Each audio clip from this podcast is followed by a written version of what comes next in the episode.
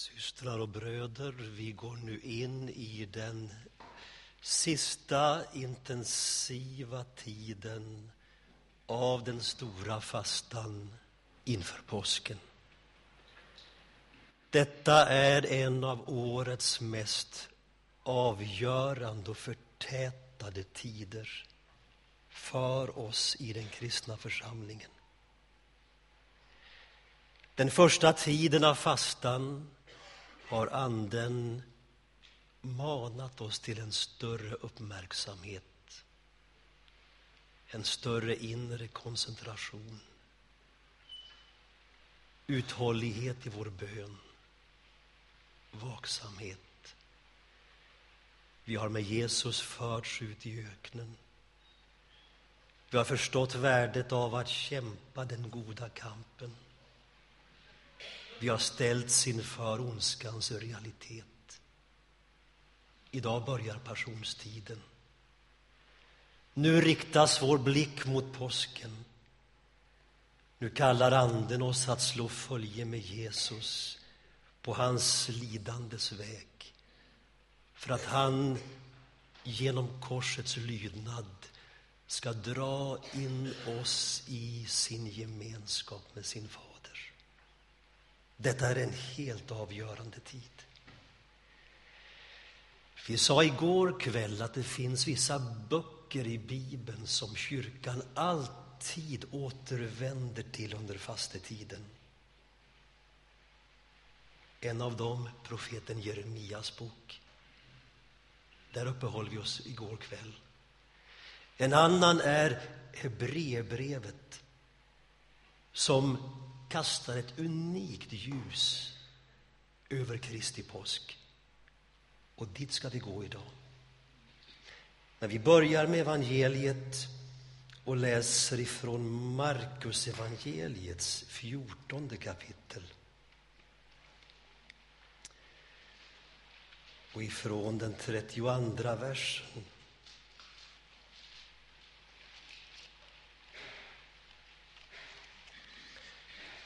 Markus evangeliet 14 och därifrån ska vi sen gå till Hebreerbrevets femte kapitel. Låt oss be över ordet. Herre, öppna våra ögon så att vi känner igen dig.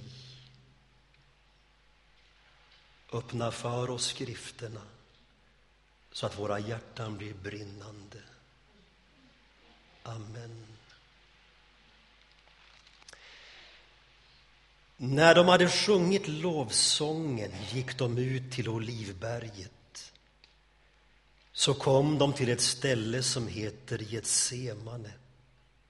Och Jesus sa till lärjungarna, sitt kvar här medan jag ber.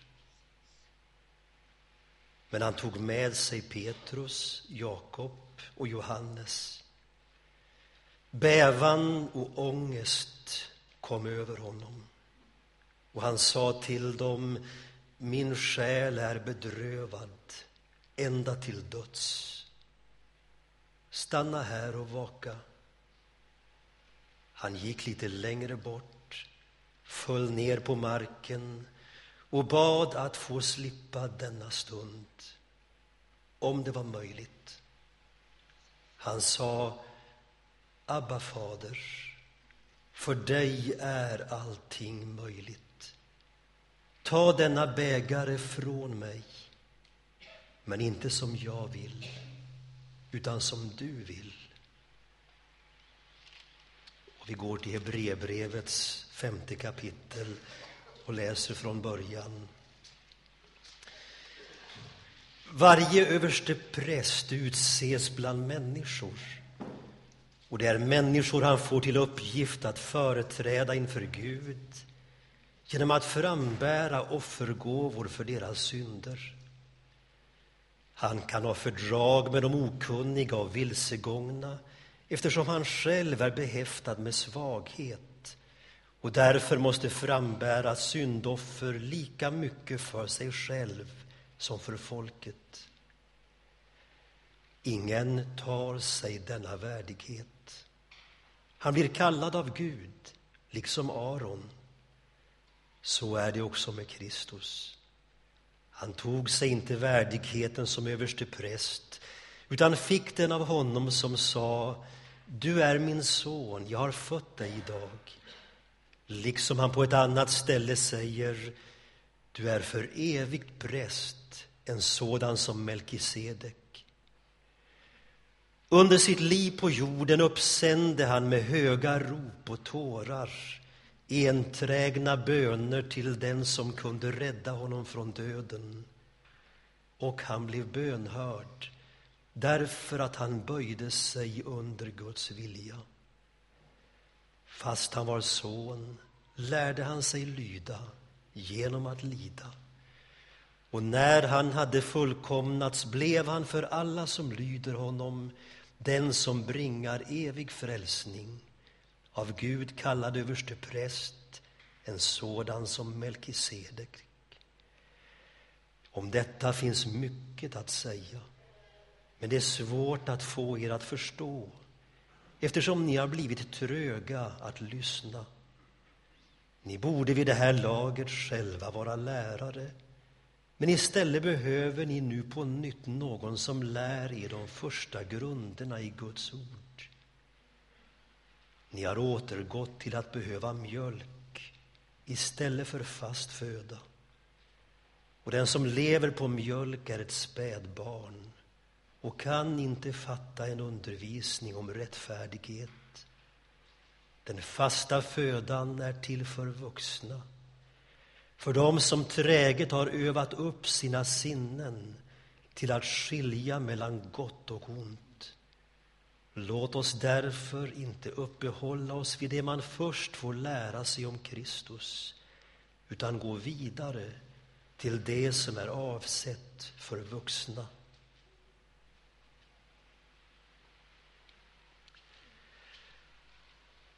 Frågan om Guds vilja.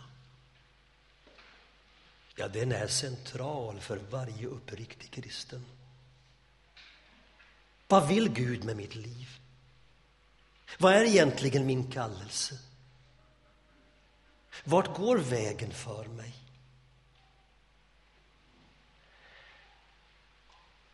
Jag kan minnas när jag tänker tillbaka i den tradition där jag själv har växt upp. Ibland kunde tanken på Guds vilja, föreställningen om Guds vilja nästan framstå som någonting som gick på tvärs mot de egna önskningarna och den egna viljan. Hjälp, tänk om Gud vill att jag ska bli missionär på Grönland. Eller i Nya Guinea. Eller... Och så föreställde man sig det man själv sist av allt verkligen kunde tänka sig. Jo, men det är nog så. För att göra Guds vilja, det är ju att förneka sig själv och och så framstod tanken på Guds vilja nästan som sinnebilden för ett sabotage mot de egna drömmarna och önskningarna. Nu fanns det ju då också kloka pastorer som läste Bibeln med oss unga. Ja, sådana ord som när Paulus säger Gud verkar i er vilja. Eller låt er förvandlas genom förnyelsen av era tankar så att ni kan avgöra vad som är Guds vilja.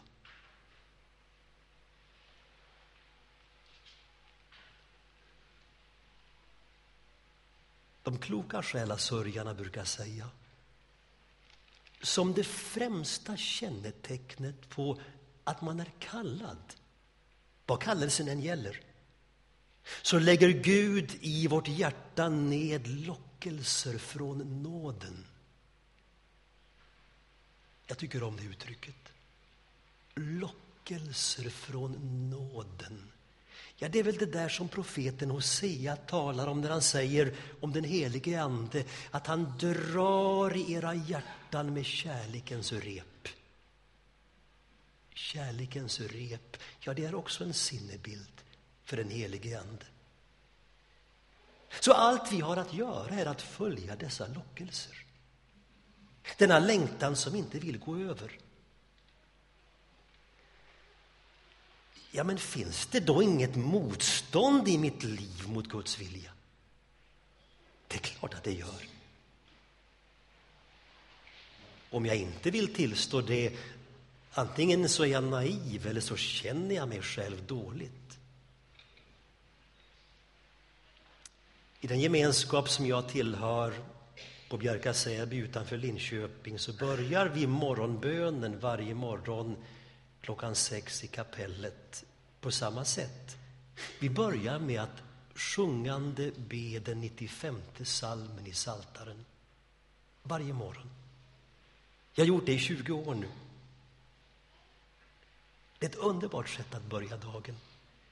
Hur börjar den salmen? Kom, låt oss jubla till Herrens ära. Och så stämmer vi våra liv till lovsång inför den nya dagen. Men så kommer också i samma psaltarpsalm, den 95, några ord lite senare, då vi tar de här orden i vår mun. Om ni ändå ville lyssna till honom idag. Och ibland kan man ju då känna, ja men måste jag verkligen ta de där orden i min mun idag igen? Fast då kan jag känna, ja, men det är bra för mig att bli påmind om att det finns också någonting hos mig som inte alltid vill lyssna till Gud. Det finns ett motstånd hos mig mot Guds vilja.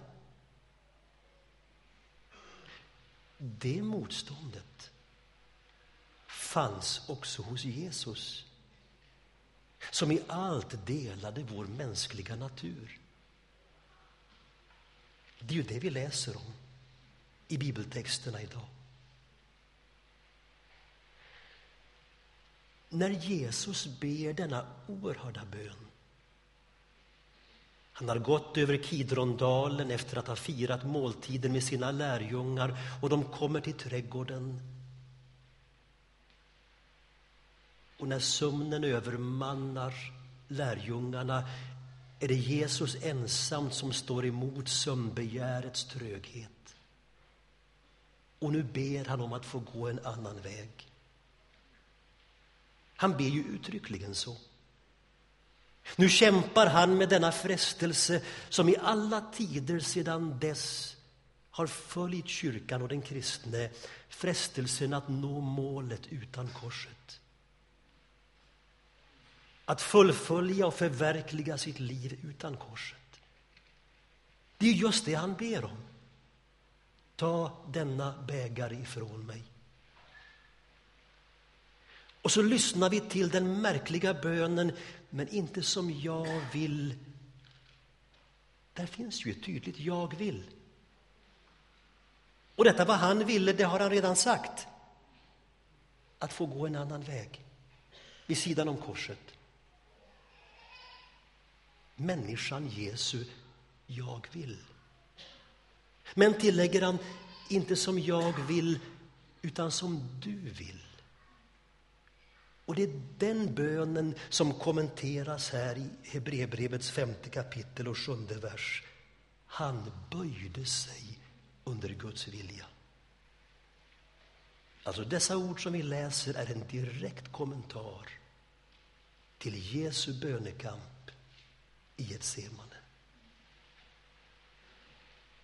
Där Adam i den första trädgården valde att följa sin vilja böjer Jesus sin vilja i den andra trädgården under Faderns vilja. Mänsklighetens öde avgörs i två trädgårdar, i Eden och i Getsemane. I Eden faller människan, för hon följer sin, sitt eget jag, sin egen vilja.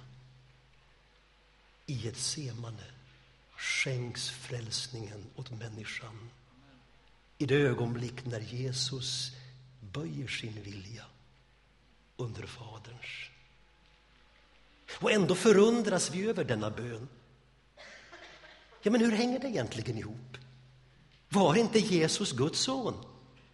Var han inte Gud av Gud, ljus av ljus, sann Gud av sann Gud, som vi säger i trosbekännelsen? Finns det två viljor hos Jesus? Finns det en motsättning i den heliga treenigheten? Hur hänger detta ihop? Ja, det är rätt intressant. Just denna fråga blev orsak till en långt utdragen strid i kyrkan på 600-talet. Man brukar kalla den just för striden om Kristi två viljor. Och då var det många som sa nej men det, det fanns bara en vilja hos Jesus, den gudomliga. Och många tyckte ja men det låter ju logiskt. Men då var det en enkel bedjare i kyrkan, Maximus. Han var inte speciellt stridslysten till sin läggning, men han kunde helt enkelt inte acceptera detta.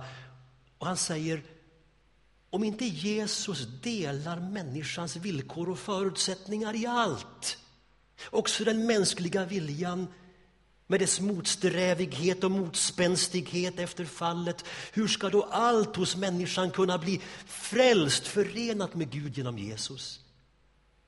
För denne Maximus så hängde alltså frälsningen på att Jesus var helt och fullt människa. Och I det sjätte stora ekumeniska kyrkomötet 680 i Konstantinopel då gav hela kyrkan Maximus rätt. Det var han som var trogen mot evangeliet. Jag nämner det där för att bara påminna om att den unga kyrkans brottning med frågan om Jesu hemlighet handlar inte om teologiska spetsfundigheter. Här är det ju den som hjälper oss att se att också för Jesus att gå Guds väg och göra Guds vilja var i en mening att gå dit du inte vill. Han böjde sig under Guds vilja. Vad är det som böjer våra liv? Vad böjer vi oss under? Ja, vi vill ju vara flexibla. Flexibilitet. Ordet stammar från engelskan på 1400-talet. Flexibility. Det kommer från en enkel iakttagelse, nämligen denna. Ett träd böjer sig i vinden men eftersom det har djupa rötter så grenarna rätar tillbaka till sitt utgångsläge.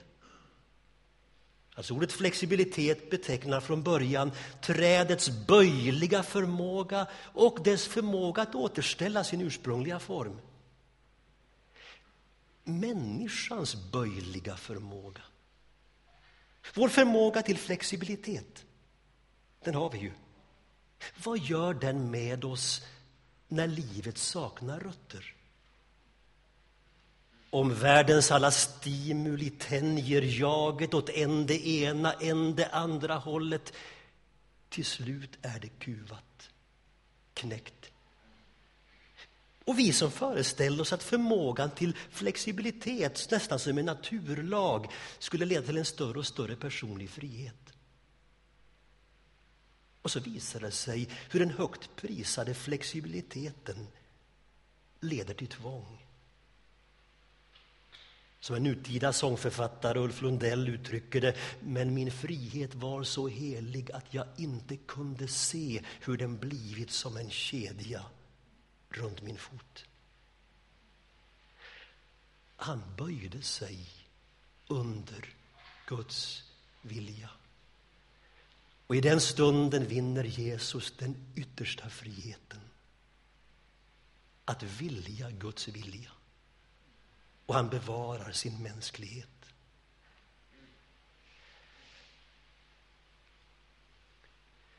Vari består vårt motstånd mot Guds vilja? Det vi har svårt att riktigt acceptera och ta till oss. Ja, när man tänker efter kanske det inte alltid så mycket består i det själasörjarna brukar kalla den verksamma sidan av fullkomligheten. Och med det menar vi ja, allt det som vi försöker göra för att samverka med Gud. För att han ska fullkomna oss. Vi går och firar gudstjänst. Vi försöker ha vår andakt, vi samlar oss till bön. Vi försöker samverka med Gud på olika sätt. Det försöker vi ju, det vill vi ju göra.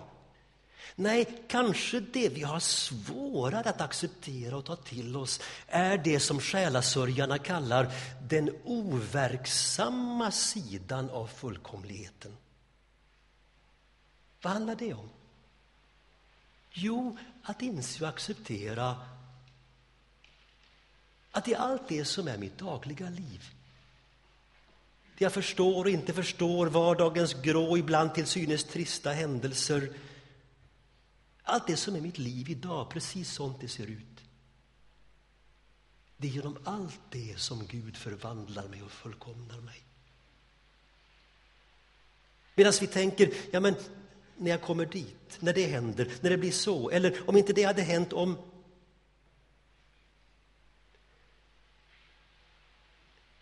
Vad är hemligheten till att göra Guds vilja? Det finns ingen. Inte på det sättet som vi ofta tänker oss när vi ställer den frågan. Vi kan se oss om i naturen. Har inte Gud gett oss allt det vi behöver? Jorden, vinden, vattnet. Ingenting är nödvändigare för den naturliga människan än sömn, föda, andning. På samma sätt är det med den inre människan. Ingenting är viktigare än kärlek och trohet. Att i det liv som är mitt, precis sådant det ser ut idag med dess smärtor och dess glädjeämnen, att i det livet överlåta mig åt att leva i kärlek och trohet. Är det det som är skatten? Guds vilja? Kungstanken i denna andliga vägledning som möter oss genom dramat i Getsemane kommenterat i Hebreerbrevet 5. Kungstanken är alltså att det vi kallar Guds vilja döljer sig i det senapskorn som vi alltför sällan får skörda frukten av därför att vi inte bryr oss om det på grund av dess ringhet och oansenlighet. Ibland kan vår längtan spela oss ett spratt. Längtan vaknar, ivern, anden rör vid hjärtat och vi känner att oh, jag vill ge hela mitt liv åt Gud. Och så kommer tanken, ja men nu måste jag nog sluta mitt arbete. Jag kanske borde åka ut i öknen. Jag kanske skulle gå i kloster. Jag måste nog resa. Nej, nej, nej, nej. Eller vi tänker, om jag inte nu hade allt detta som hindrade mig, hemmet och huset och barnen och hunden och maken och alla räkningarna som ska betalas, då skulle jag kunna leva Guds vilja fullt ut. Nej, nej, nej, nej. Det finns inga högre och märkvärdigare vägar som är heligare och fullkomligare än andra. Det är i det liv som är ditt. Precis sådant det idag ser ut. Med det du tycker om och det du inte tycker om i det livet. Det är där Gud kallar dig att leva i kärlek och i trohet. Om våra ögon öppnas och vi ser detta så kanske vi upptäcker att vägen till Guds vilja är mycket kortare än vad vi föreställde oss. För Guds vilja finns ingen annanstans än i det liv som är ditt. Det andliga rådet är därför lev det liv du lever, men låt ditt hjärta förvandlas. Gör det du gör, men låt ditt hjärta förändras. Berättelsen om Josef handlar om detta. Det är också en av de berättelser som kyrkan alltid läser i fastetiden. En av världslitteraturens pärlor. Vad tänker Josef? Han som haft tonårsdrömmarna, som sett i anden Guds vilja. Men vad tänker han i brunnen? Vad tänker han i Potifars hus? i faraos fängelse. Guds vilja. Kallelsen. Var det det här? Gud, jag undrar om han har glömt mig. Finns han förresten överhuvudtaget? Det finns ett uttryck som kommer tillbaka genom hela berättelsen om Josef. Det kommer som ett omkväde, en refräng genom berättelsen. Och det kommer alltid när det var som svårast, som mörkast, som mest besvärligast för Josef. Då kommer det här uttrycket, men Herren var med Josef. Men Herren var med Josef. Och Herren var med Josef. För vad gör han i Puttifars hus, i faraos fängelse? Gråter han? Det är klart att han gör. Förtvivlar han och misströstar? Hur livet än ser ut så överlåter han sig åt att leva i kärlek och trohet. I den miljö, bland de människor han finns, som mot Gud själv, viss om att han alltid lever sitt liv inför Guds blick. Och han var alltid i Guds vilja. För inte tror vi väl att när Josef till slut äntligen blev upphöjd av farao, då kom han till sist in i Guds vilja. Vad skönt, till slut kom han i alla fall in i Guds vilja och blev upphöjd av farao. Nej. Josef var i Guds vilja lika mycket i Potifars hus och i faraos fängelse. För Guds vilja har inte med de yttre omständigheterna i våra liv att göra utan med hjärtats inre hållning. Han böjde sig under Guds vilja. Och när Jesus böjer sig under Faderns vilja nej, då amputeras inte den mänskliga viljan. Den fulländas. Varför? Därför att människan är skapad att leva samstämd med Gud. Det är bara underordnad Fadern som människan bevarar sin mänsklighet.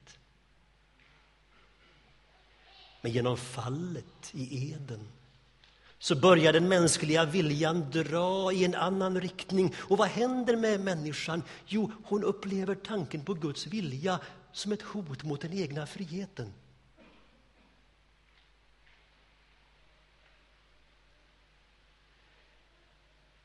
så utkämpas denna viljornas kamp i ett semane. När Jesus som fullt ut delar vår mänskliga natur känner av vår motspänstighet och vår, vår motsträvighet. Men i sin bönekamp så tillkämpar han sig ett ja och han överbryggar motsättningarna mellan viljorna. Och i den stunden så drar han in oss alla i sin lydnad mot Fadern. För det är bara där, genom korsets lydnad som människan återfår sin storhet och fulländas som människa.